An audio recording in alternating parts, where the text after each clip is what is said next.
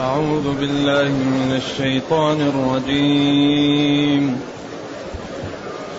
وإذا لم تأتهم بآية قالوا لولا اجتبيتها قل إنما أتبع ما يوحى إلي من ربي هذا بصائر من ربكم وهدى ورحمة وهدى ورحمة لقوم يؤمنون. وإذا قرئ القرآن فاستمعوا له وأنصتوا. فاستمعوا له وأنصتوا لعلكم ترحمون. واذكر ربك في نفسك تضرعا وخيفة وخيفة ودون الجهر من القول بالغدو والآصال. ولا تكن من الغافلين. إن الذين عند ربك لا يستكبرون عن عبادته ويسبحونه ويسبحونه وله يسجدون. الحمد لله الذي أنزل إلينا أشمل الكتاب وأرسل إلينا أفضل الرسل وجعلنا خير أمة حجه للناس. فله الحمد وله الشكر على هذه النعم العظيمة والآلاء الجسيمة. والصلاة والسلام على خير خلق الله وعلى آله وأصحابه ومن اهتدى بهداه. أما بعد فإن الله تعالى يقول أول الآيات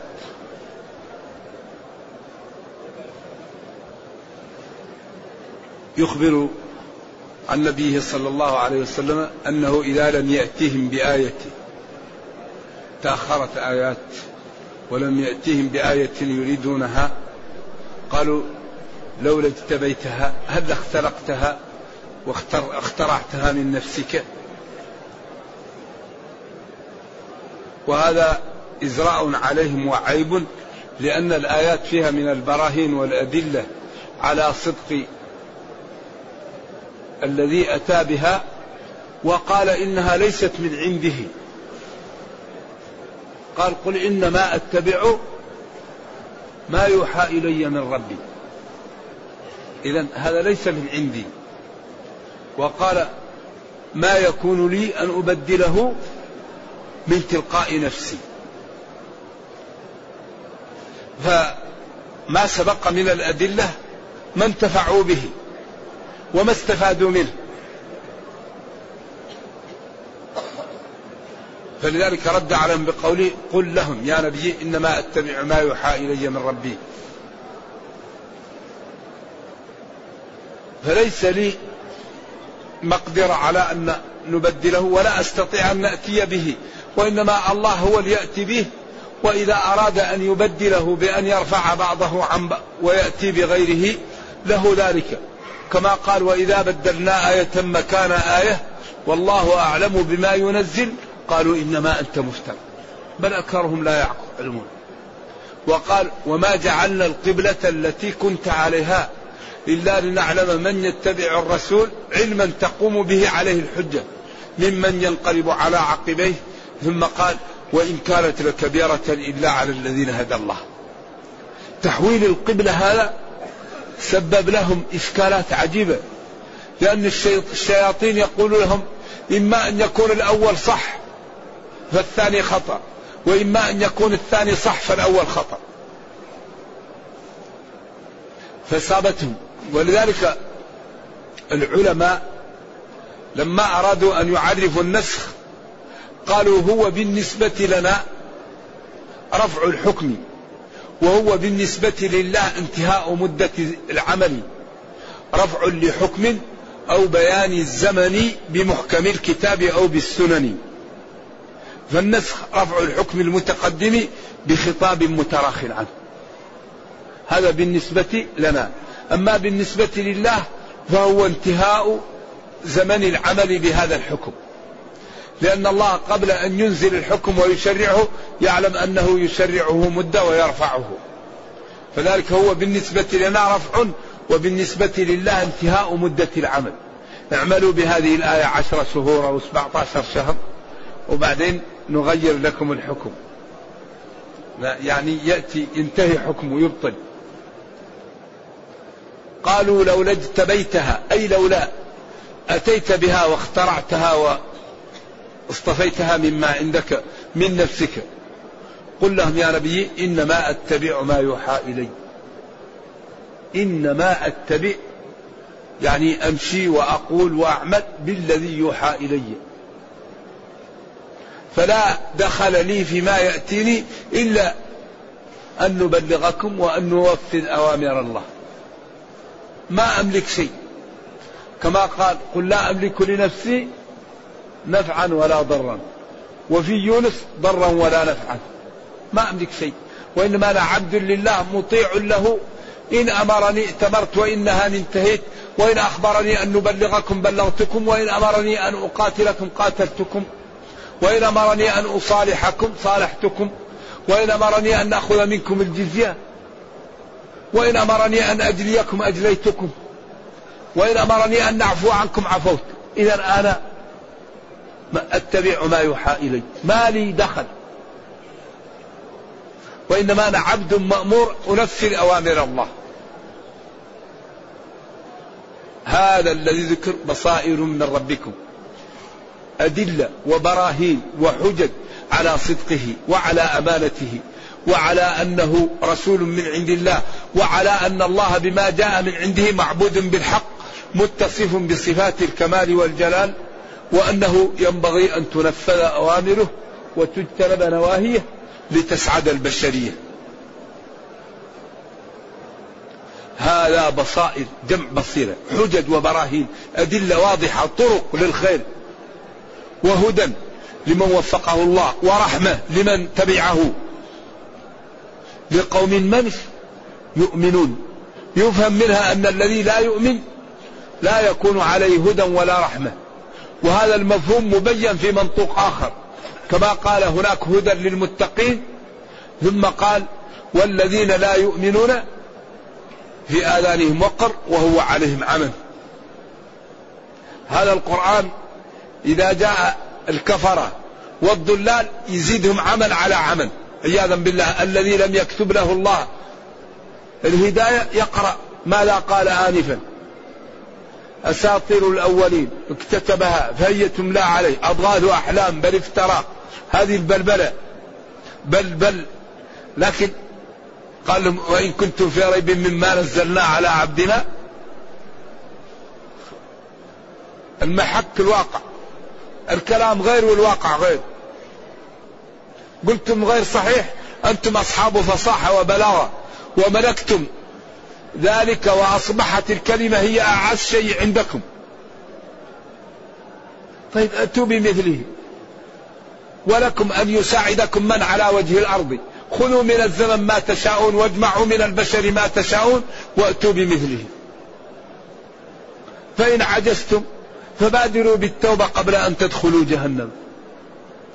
هذا ما وراء بيان ما وراءه وراء. ولذلك هو لما جاءهم قال لهم إني نذير لكم. أعلمتموني أكذب لو أخبرتكم أن خيلا وراء هذا الجبل مصدقية قالوا نعم. قالوا إني نذير لكم. فإن جاءهم الكبر جاءهم الأنفة. هذا الصغير ونحن كبار. كيف كيف يكون سيد علينا؟ ذلك من أكبر أسباب الهداية الكبر الكبر هذا مشكل. هو الذي منع إبليس من السجود. الله قال وإذ قلنا للملائكة إبليس قال أنا خير منه. طيب يا إبليس هذا أمر لا قياس مع النص من شروط القياس فقد النص هو قال اسجدوا. هذا أمر من خالق السماوات والأرض. تقول أنا خير منه خلقتني من نار وخلقته من طين. أعوذ بالله. قال له خذ منها. خذ. مذءوما مدحورا. مذءوما مطرودا ملوما خسيسا. وبعدين لمن اتبعك من من الإنس؟ لا هو معك في النار. والله لا عذر لنا بعد هذا البيان. بيان لا وراء وراءه. ومن البيان أنه الذي سيقع يوم القيامة بين لنا أن إبليس يوضع له منبر في جهنم ويخطب خطبة رائعة بليغة جدا لكن بعداش بعد انتهى كل شيء. وقال الشيطان لما قضي الأمر إن الله وعدكم وعد الحق ووعدتكم. طيب ما تقول هذا يا كذاب يا مجرم قبل أن يفوت الأوان؟ ما تقول هذا في الدنيا؟ خلى لما انتهى كل شيء. ووعدتكم. طيب أنا كذبت عليكم. لكن في النهاية وما كان لي عليكم من سلطان إلا أن دعوتكم. كل واحد نقول له تعال تعال. ونلبس على كل واحد على قدر عقله وثقافته فاستجبتم لي فلا تلوموني ولوموا أنفسكم. ما أنا بمصرخكم وما أنتم بمصرخي والله لا عذر بعد هذا البيان. ولذلك ينبغي للواحد أن يحتاط.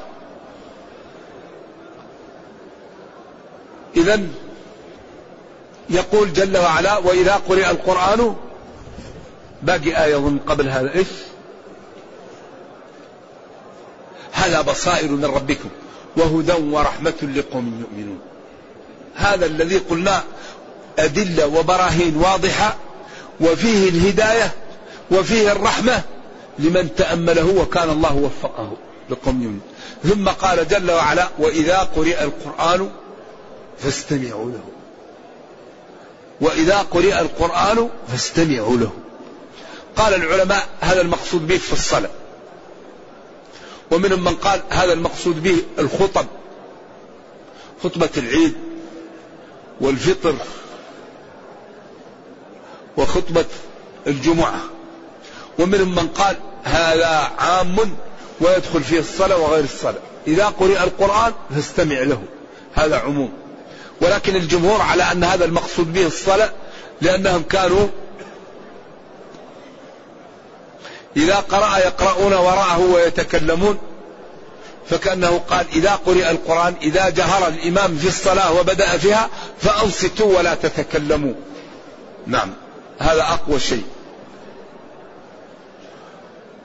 وأن الإنصات للإمام واجب. هذا الذي تدل عليه النصوص. وهنا إشكال. نبينا صلى الله عليه وسلم قال لا صلاة لمن لم يقرأ بفاتحة الكتاب. وقال صلى الله عليه وسلم كل صلاة لا يقرأ فيها بفاتحة الكتاب فهي خداش فهي خداش.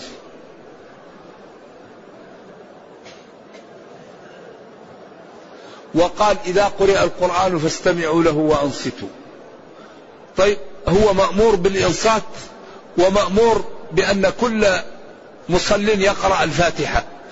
طيب كيف يكون؟ إذا كان الإمام مسرا اقرأ الفاتحة. إذا كنت يعني تصلي فذا الحالة اقرأ الفاتحة. لكن إذا كان الإمام يجهر وأنت مأموم فما الذي تفعل؟ مأمور بالإنصات ومأمور بقراءة الفاتحة.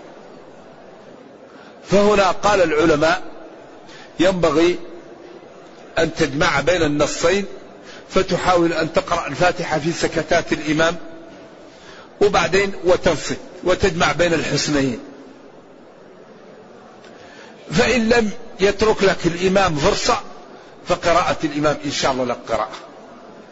وإن كان الإمام البخاري لا يرى ذلك وألف كتاب باب القراءة خلف الإمام له جزء مطبوع.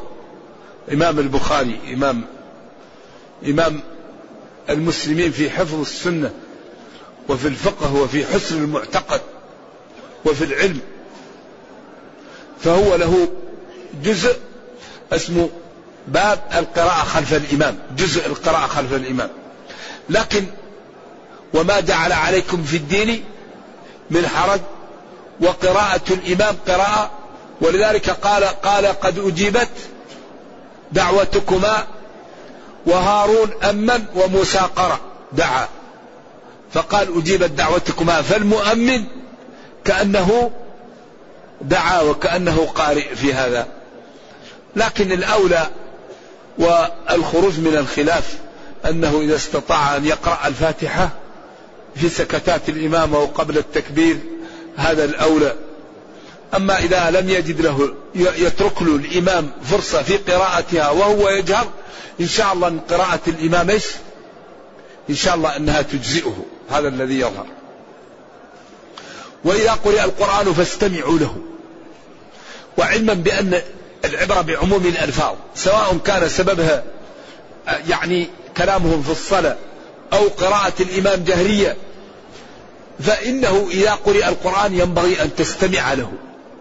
لأنه هذا القرآن فيه تبيان لكل شيء وفيه نور وفيه هداية وفيه خير وفيه حسن وفيه جمال وفيه متعة.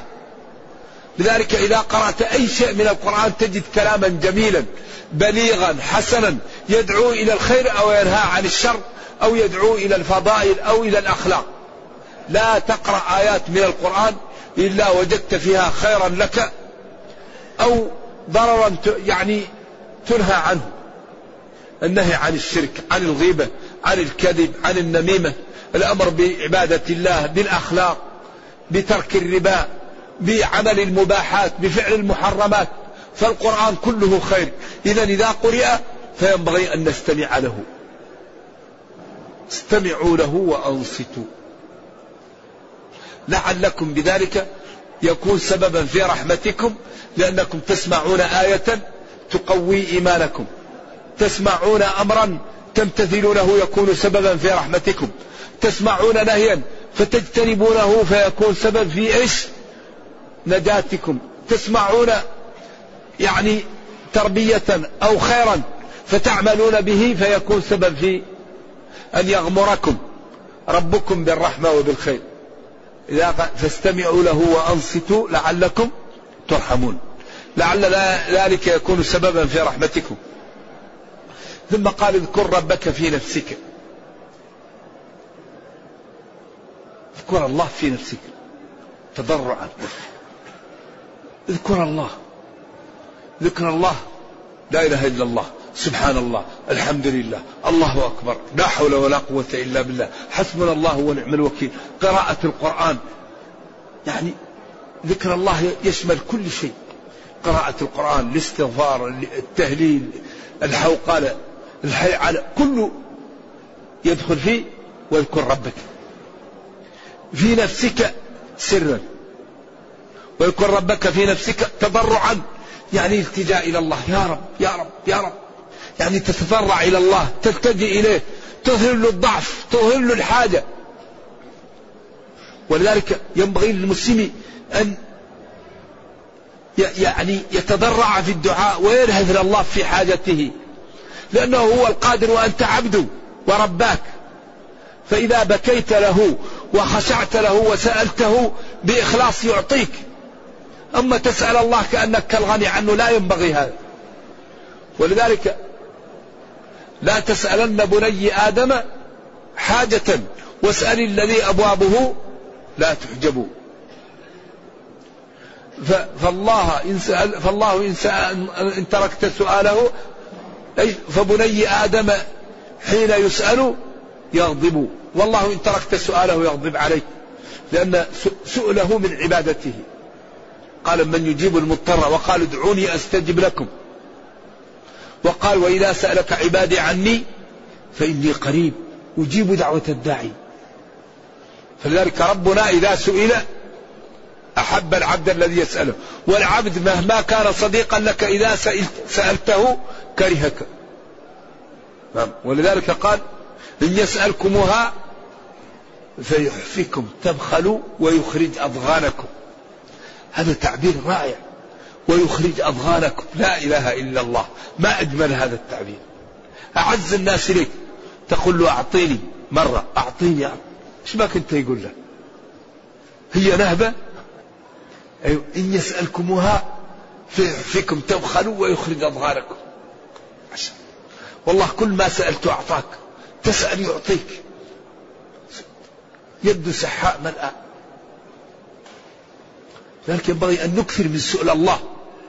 ونسأله الجنة ونسأله العافية ونسأله السلامة من, من, من, من الأمراض ومن سيء الأفعال والأقوال والأعمال والأوجاع. ونسأله لإخواننا الذين لا مال لنا ننفق عليهم ولا قوة لنا ندفع عنهم. نسألهم أن الله تعالى يفرج كروبهم فالسؤال هذا عجيب. سؤال أقوى من كل شيء. يلاقي إجابة فيغمرك الله بالخير. إذا ادعوا ربكم تضرعا وخفية وخيفة. الآية وخيفة. يعني ودون الجهر من القول بالغدو والآصال. ودون القول ودون القول ودون الجهر من القول. ادعوه خفية. وادعوه حيث تسمع بل بجانبك. ولا ترفع صوتك لتؤذي الآخرين. قيل هذا في الصلاة وقيل في الدعاء. وقيل في كل عبادتك أدعوه خفية. واجهر لتسمع نفسك وتسمع من حولك ولا ترفع صوتك لتزعج الآخرين. والذي قال أربعوا على أنفسكم إنكم لا تدعون. صم ولا تدعونه قريب. إذا ادعوا ربكم تضرعا تذللا وخشية واستكانة والتجاء وإخلاصا ودون الجهر من القول. يعني تسمع. اللهم ارزقني الجنة. اللهم ارزقني الجنة. اللهم إنا نعوذ بك من النار. اللهم إنا نسألك العافية. ربنا أتنا في الدنيا حسنة وفي الآخرة حسنة وقنا عذاب النار. لأن هذه الدعوات جامعة. من القول بالغدو والآصال. قيل هذا المقصود به الصلوات. لأن الصلاة في الغداة الفجر والغداة والآصال اللي هو يعني الظهر والعصر والمغرب والعشاء. وقيل الأذكار اللي تعمل في الصباح والمساء. وقيل صلاة العصر وصلاة الفجر. ولا تكن من الغافلين. يعني هذا تأكيد. تأكيد وتذييل للمعنى السابق. ولا تكن من الغافلين. المسلم دائما لا يغفل. يذكر الله يشكر الله يحمد الله يعمل خير. يفكر كيف يترك له مشروع قبل أن يموت لدينه ولأمته. كيف يعمل وقف؟ كيف يحفظ متون؟ كيف يربي أبنائه تربية صالحة؟ كيف يبر بوالديه؟ كيف يساعد جيرانه؟ ولا تكن من الغافلين. واحد دائما نايم غافل لا يفكر في معالي الأمور ولا يفكر في الخير. هذا ضعف همة. إن الذين عند ربك الملائكة عندهم الله رفعهم وأعزهم وجعلهم عبادا مكرمون. لا يعصون الله ما أمرهم ويفعلون ما يؤمرون. ملهمون التسبيح والتحميد كما نلهم نحن النفس. الواحد نايم صاحي يتنفس هم يذكر الله على جميع أحيانه. لا يأكلون ولا يشربون حياتهم النفس. نفسهم الاستغفار والتحميد وعبادة الله. لا يستكبرون عن عبادته. لا يتكبرون عن أن يعبدوا الله ويمتثلوا أوامره. والله تعالى أعطاهم ما لم يعطكم فأنتم أحرى بأن تتبعوا ذلك. ويسبحونه وله يسجدون. ولله تعالى يسجدون. وهذه أول سجدات القرآن. فنقف معها قليل. فاتفقوا على أنها شبه اتفاق لا تزيد على 15 ولا تنقص عن عشر. وقالوا إن ثانية الحد وسجدات المفصل وصاد هذه فيها خلاف والباقي لا خلاف فيه. في الأعراف وفي الرعد وفي النحل وفي الإسراء وفي مريم وفي الحج اثنتان. وفي الفرقان وفي النمل وفي حميم السجدة وفي صاد وفي فصلت وثلاثة حبة المفصل. أما ما قال بعضهم إنه يسجد في نهاية الحجر هذا ضعيف. ما عليه دليل. والذي يظهر أن هذه الخمسة عشر يسجد فيها. فمالك أربعة لا يسجد فيها عنده. ثانية الحد اللي هي يا أيها و يا أيها الذين آمنوا اركعوا واسجدوا واعبدوا ربكم وافعلوا الخير لعلكم تفلحون. لا ثانية الحج. والانشقاق ويعني النجم اللي هي نهاية النجم والقلم اقرأ. هذه الأربعة عند مالكية لا, لا يسجد فيها. عند الشافعي قول في هذا وعند أحمد سجدة صاد سجدة شكر. ليست من عزائم السجود. ولكن هو مخير. إن سجد وإن لم يسجد ليست بلازمة ولذلك قال لما سئل أين أخذ الرسول صلى الله عليه وسلم السجدة من صاد؟ قال سجدها داود توبة فسجدناها شكرا لله لأنها الله قال أولئك الذين هدى الله فبهداهم. قال ومن ذريته داود وسليمان وأيوب ويوسف وموسى وهارون وكذلك نجزي المحسنين وزكريا ويحيى وعيسى. إلى أن قال أولئك الذين هدى الله فبهداهم اقتده. ومن هدى داود السجود فسجدها رسول الله صلى الله عليه وسلم. أبو حنيفة يرى أنها واجبة ليست فرض. والجمهور يروها سنة.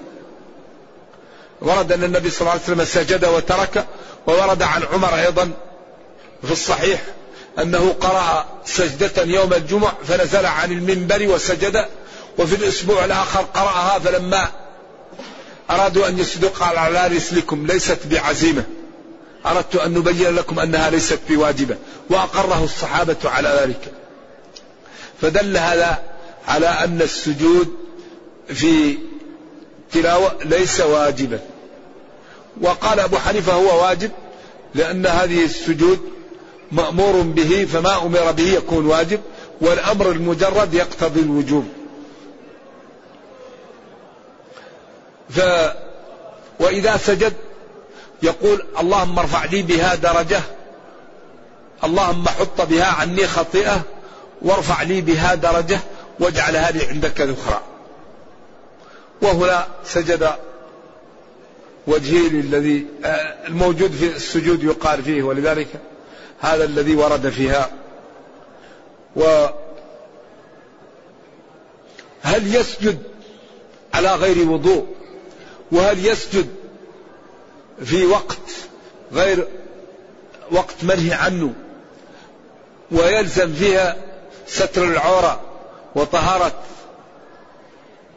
آه، الحدث وطهارة الخبث واستقبال القبلة أو لا تلزم؟ الجمهور يقول وسجد بشرط الصلاة. أنه ما يشترط للصلاة يسجد يكون طاهر ويكون على طهارة يكون ثوب طاهر وهو طاهر ويكون رافع الأحداث وإذا أراد أن يسجد يتوجه للقبلة ويكبر. أما في أوقات النهي فهو على عادتهم. فالشافعي يرى أن هذا ذوات الأسباب وأن ذوات الأسباب خارجة عن النهي. أما مالك والشافعي وأحمد في المشهور عنه يروا أن أوقات النهي لا يفسد فيه. وقول الشافعي قوي جدا لأنه جمع بين الأدلة. قال المالكية ينبغي لمن يريد أن يقرأ القرآن يتجنب آيات التي فيها السجدة بعد العصر وبعد الفجر. يقرأ من القرآن ما لا سجدة فيه حتى إيش؟ فإذا كان وقت النافلة فيه مباحة يقرأ آيات السجود. وقول الشافعي قوي جدا وله دليلان. ولذلك بعضهم فرق بين الفجر وبين العصر. قالوا في الفجر يسجد وفي العصر لا يسجد. وبعضهم قال يسجد مطلقا وبعضهم قال لا يسجد مطلقا. والأقوال الثلاثة مروية عن المالكية. والشافعي استدل بدليلين هم أقوى شيء. قال إن ذوات الأسباب خارجة عن النهي وأن النهي ينصب لمن يريد أن يتنفل في هذه الأوقات من غير سبب. أما إذا كان النفل له سبب كالوضوء أو كدخول المسجد أو سجود التلاوة فالكراهة تنتفي واستدل بقول النبي صلى الله عليه وسلم للأعرابي الذي جاء وقال آه الصبح أربعا قال لا عاجلتني الفريضة قبل أن نصلي ركعتي الفجر فأقره. والحديث في السند وصالح للاحتجاج. الدليل الثاني قوله يا بني هاشم لا تمنعوا أحدا طاف بهذا البيت ساعة من ليل أو نهار أن يصلي ركعتين. ما قال إلا إذا كان بعد العصر أو بعد الفجر. وعمر طاف بعد الصبح ومشى حتى وصل بير طواف فصلى ركعتي طواف لم يصلها فالمسألة مختلف فيها. والذي صلى لا يلام والذي لم يصلي لا يلام وكل واحد يختار ما يحلل ويرفق بالمسلمين. فهذا عليه أدلة قوية؟ وهذا عليه أدلة قوية؟ وأنت تختار من هذه الأدلة ما تشاء وترفق بالمخالف. والجنة أبوابها ثمانية. أنت تدخل من باب هذا يدخل من باب ولا تضيق واسعا النصوص تتحمل. قال افعل ولا حرج افعل ولا حرج. ما جاءه أحد ذلك اليوم قدم وأخر إلا قال افعل ولا حرج. هذا قال له أصبت السنة. هذا قال له أجرك لك أجرك مرتين. ولا تضيقوا واسعا بعض الناس يضع هنا. أنا أختار أضع يدي هنا. لكن بعض الناس يختار هنا بعضهم يختار هنا بعضهم يختار كذا. بس اللي كذا يحتاج دليل. لأن الإرسال يحتاج دليل. لأنه قال إن من كلام النبوة إذا ما سئت وأن نضع إيماننا على شمائلنا في الصلاة. هذا حديث صحيح. ف فإذا اختلفت النصوص فطالب العلم يختار ما يحلو له ويرفض. أما إذا كان هنا نص ولا نص هنا لا. أما إذا كان أو لا يوجد نص الأمر سهل. عندك نص عندي نص الأمر سهل. قصدي نص صحيح ما هو منسوخ. نص حديث غير موضوع. يعني نص قابل للاحتجاج. فلذلك ينبغي لنا أن نتعود على أن مسائل الخلاف كثير منها سائغ. فما دام هذا له دليل وله دليل الأمر سهل. ولذلك قال الإمام محمد بن الشوكاني رحمة الله عليه الأولى أنه بعد العصر وبعد الفجر لا يدخل المسجد. قال لأنه إذا صلى مشكل وإذا لم يصلي مشكل فلا تدخل المسجد في هذه الأوقات. كيف؟ ادخل المسجد إن أردت أن تصلي صلي وإن أردت أن تجلس تجلس وكل سهل. كيف تمنع من دخول المسجد وبيوت الله؟ وما ما دام العبد ينتظر الصلاة فهو في صلاة. في بيوت الذين الله أن ترفع ويذكر فيها اسمه. يقال لا تدخل المسجد في هذا الوقت. ادخل المسجد. فإن أحببت أن تصلي لك وإن أحببت أن تجلس لك فإن صليت فأنت مأجور وإن جلست فأنت مأجور. لأن هذا عليه دليل وهذا عليه دليل. يقول الجمع أنك لا تدخل. لا هذا لا. الجمع أنك تدخل فإن أردت أن تصلي وإن أردت أن تجلس. والله أعلم. نرجو الله جل وعلا أن يرينا الحق حقا ويرزقنا اتباعه وأن يرينا الباطل باطلا ويرزقنا اجتنابه وأن لا يجعل الأمر ملتبسا علينا فنضل. اللهم ربنا آتنا في الدنيا حسنة وفي الآخرة حسنة وقنا عذاب النار. سبحان ربك رب العزة عما يصفون وسلام على المرسلين والحمد لله رب العالمين. والسلام عليكم ورحمة الله وبركاته. من قال إنه يجوز للمرأة أن تفلي رأس الرجل الأجنبي وتصافحه وتأخذ بيده ماذا نرد عليها أو نرد عليه. نرد عليه بقوله تعالى قل للمؤمنين يغضوا من أبصارهم. وبقوله صلى الله عليه وسلم إني لا أصافح نساء الأثر. والأثر الآخر من لمس جسم أجنبية فكأنما وضع يده في إيش؟ لحم خنزير أو كما ورد في ذلك. وأنه لم ينقل عنه أنه كان يصافح النساء عند البيعة. وقال الذي يمس النساء ال 18 المحارم. أيوة. أربعة بالن... سبعة بالنسب وسبعة بالرضاع وأربعة بالمصاهرة. هذه ال 18 هي التي تلمس وتصافح. أمهاتكم وبناتكم وأخواتكم وعماتكم وخالاتكم وبنات الأخ وبنات الأخت. ويحرم من الرضاع ما يحرم النسب. وزوجة الإبن وزوجة الأب وأم الزوجة وبنت الزوجة المدخول بأمها. وربائبكم اللاتي في حجوركم من نسائكم اللاتي دخلتم بهن نعم. أما غير هذا فلا يصافح ولا يلمس إلا الزوجة. وبعدين آه، الأجنبية. لا بد لنا أن ندفع ضريبة ديننا. هذه الجنة لازم الواحد يدفع ضريبتها نعم. ولذلك مخالطة الرجال للنساء الأجنبيات هذا يأتي بالفضائح. لا ورع مع النساء.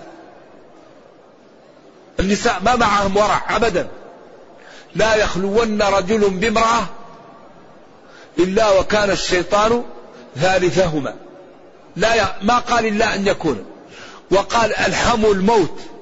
ألحموا أقرباء الزوج. ألحموا الموت. إياكم والدخول على النساء. قالوا يا رسول الله الحموا قال ألحموا الموت. فالمسلم يبتعد عن النساء إلا المحارم والمحارم لا يخالطهم أيضا إلا مخالطة شريفة ويكون له زوجات أو زوجة ويبتعد عن النساء. أما الرجل يدخل على النساء ما في رجل النساء مشكلة. الذي يمشي مع النساء يقع منه ما لا ينبغي. إذا جلس القط مع الهر ما لا يعمل له؟ ربه القط والهر في قفص. فلما غارز ثارت الغريزة في القط أكل الفأر. يقول لك نخليهم مع بعض عشان لا لا. لذا ينبغي أن نحذر وكل المشاكل تأتي من هذا. لأنه اختلاط النساء مع الرجال هذه مشكلة. إذا احتاجت المرأة أن تخرج تبيع وتشتري لها ذلك. لكن تكون بمعزل وتكون في محل. أما نقول النيات صافية وبعدين يجلس رجل مع امرأة الحالم ويقول النية طيبة. كيف النية طيبة وأنت تخلو بأجنبية؟ والنبي صلى الله عليه وسلم قال لا يخلون رجل بامرأة. لا يحل لامرأة تؤمن بالله واليوم الآخر أن تسافر مسيرة يوم أو ليلة إلا مع ذي محرم. وبعدين قال للرجال وأنكحوا الأيام منكم. وبعدين قال وليستعفف الذين لا يجدون نكاحا حتى غنيهم الله من فضله. ونبينا قال عليه بالصوم فإنه له وجه ولذا ينبغي السلامة في الابتعاد عن غير المحارم. السلامة في البعد عن النساء لغير المحارم. وبعدين هذا لا يحمي منه إلا الله. أي إنسان يخالط النساء والذي يريد يشوف استبيان يعمل استبيان في, في, في الأماكن الذي يضطر فيها الاختلاط أماكن مثلا الطيران المستشفيات يعمل استبيان يشوف كيف اللي ما لا يحصل. فالإنسان يبتعد. وإذا اضطر الإنسان إلى أن يخالط الدين ما في حرج. المرأة إذا اضطرت أن تذهب إلى القاضي لتتقاضى أو رجل إذا اضطر إلى أن يذهب ليلقي محاضرة على نساء. أيوة وبعدين إذا كان هناك فيه اضطرار اضطرار الأبواب مفتحة. لكن الله لا يخفى عليه الاضطرار من غير الاضطرار. والله قال وقد فصل لكم ما حرم عليكم إلا ما اضطررتم إليه والضرورة تقدر بقدرها. لذلك سبحان الله العظيم يعني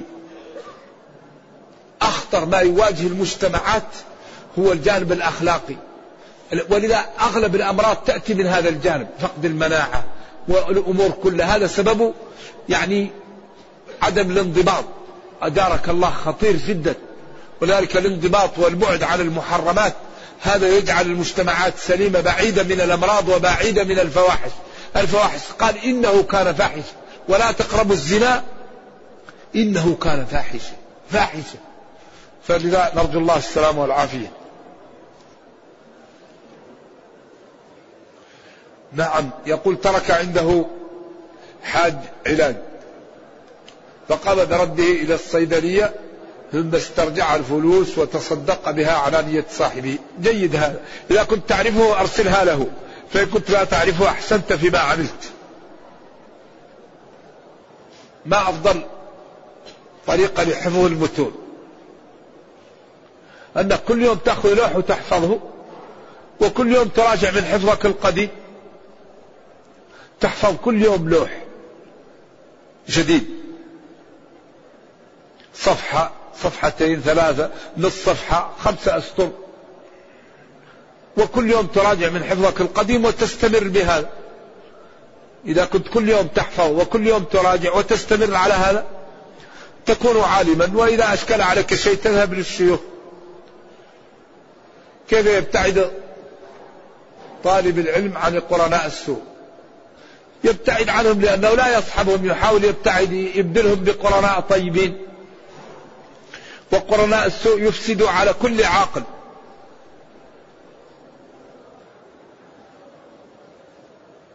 يقول يريد أن يفتح محل جوالات هل في ذلك من محظور؟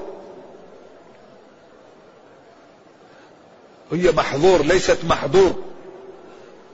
من الحظر الحظر يعني حضر والمحظور الممنوع. نعم. لا ما في محظور. لأن الجوال آلة. إن استعملت زي السكين. إن استعملتها في الخير طيب وإن قتلت بها مسلم حرام.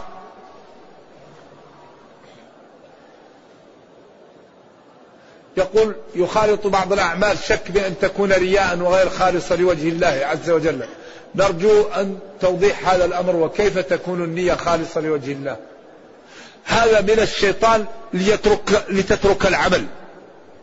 هذا يأتي الشيطان. للإنسان اللي عنده علم عنده دين ولا علم قوي عنده. فيقول له أنت تعمل ليقال فيجعلك تترك العمل. ترك العمل للناس رياء وعمله للناس شرك. أن تترك العمل للناس فهذا رياء وأن تعمل للناس هذا شرك. فلا تعمل للناس ولا يهمك في الناس. الله هو القادر وهو الكريم وهو الغني وهو المطلع. الناس لا تتركهم في ذهنك أصلا. ما لك وما لهم. اعمل لنفسك واترك الناس ولا تتبع الناس وما يهمك فيهم. ولا تترك العمل لأي شخص ولكن حاول أن تخلص عملك لله. هل قراءة القرآن متفاوتة بسبب النية؟ نعم. الذي يقرأ القرآن بنية وبفهم هذا له الأجر.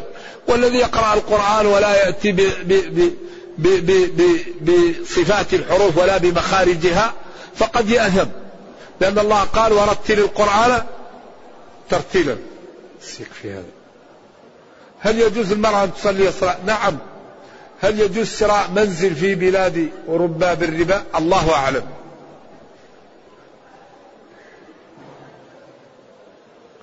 هل يجوز حمل القرآن بدون الوضوء؟ الأولى أن يكون بالوضوء. الأولى الأفضل. هذا المعنى صحيح. ثلاث أعين لا تمسها النار. عين بكت من خشية الله وعين باتت تعرس وعين غضت الطرف عما حرم الله. هذا الأخير. الاثنين الأول معناهم صحيح. وهذا المعنى طيب هذا. هذا هذا الكلام طيب. نعم. لكن كون إنه صحيح أو غير صحيح نحتاج مراجعة. نكتفي. السلام عليكم.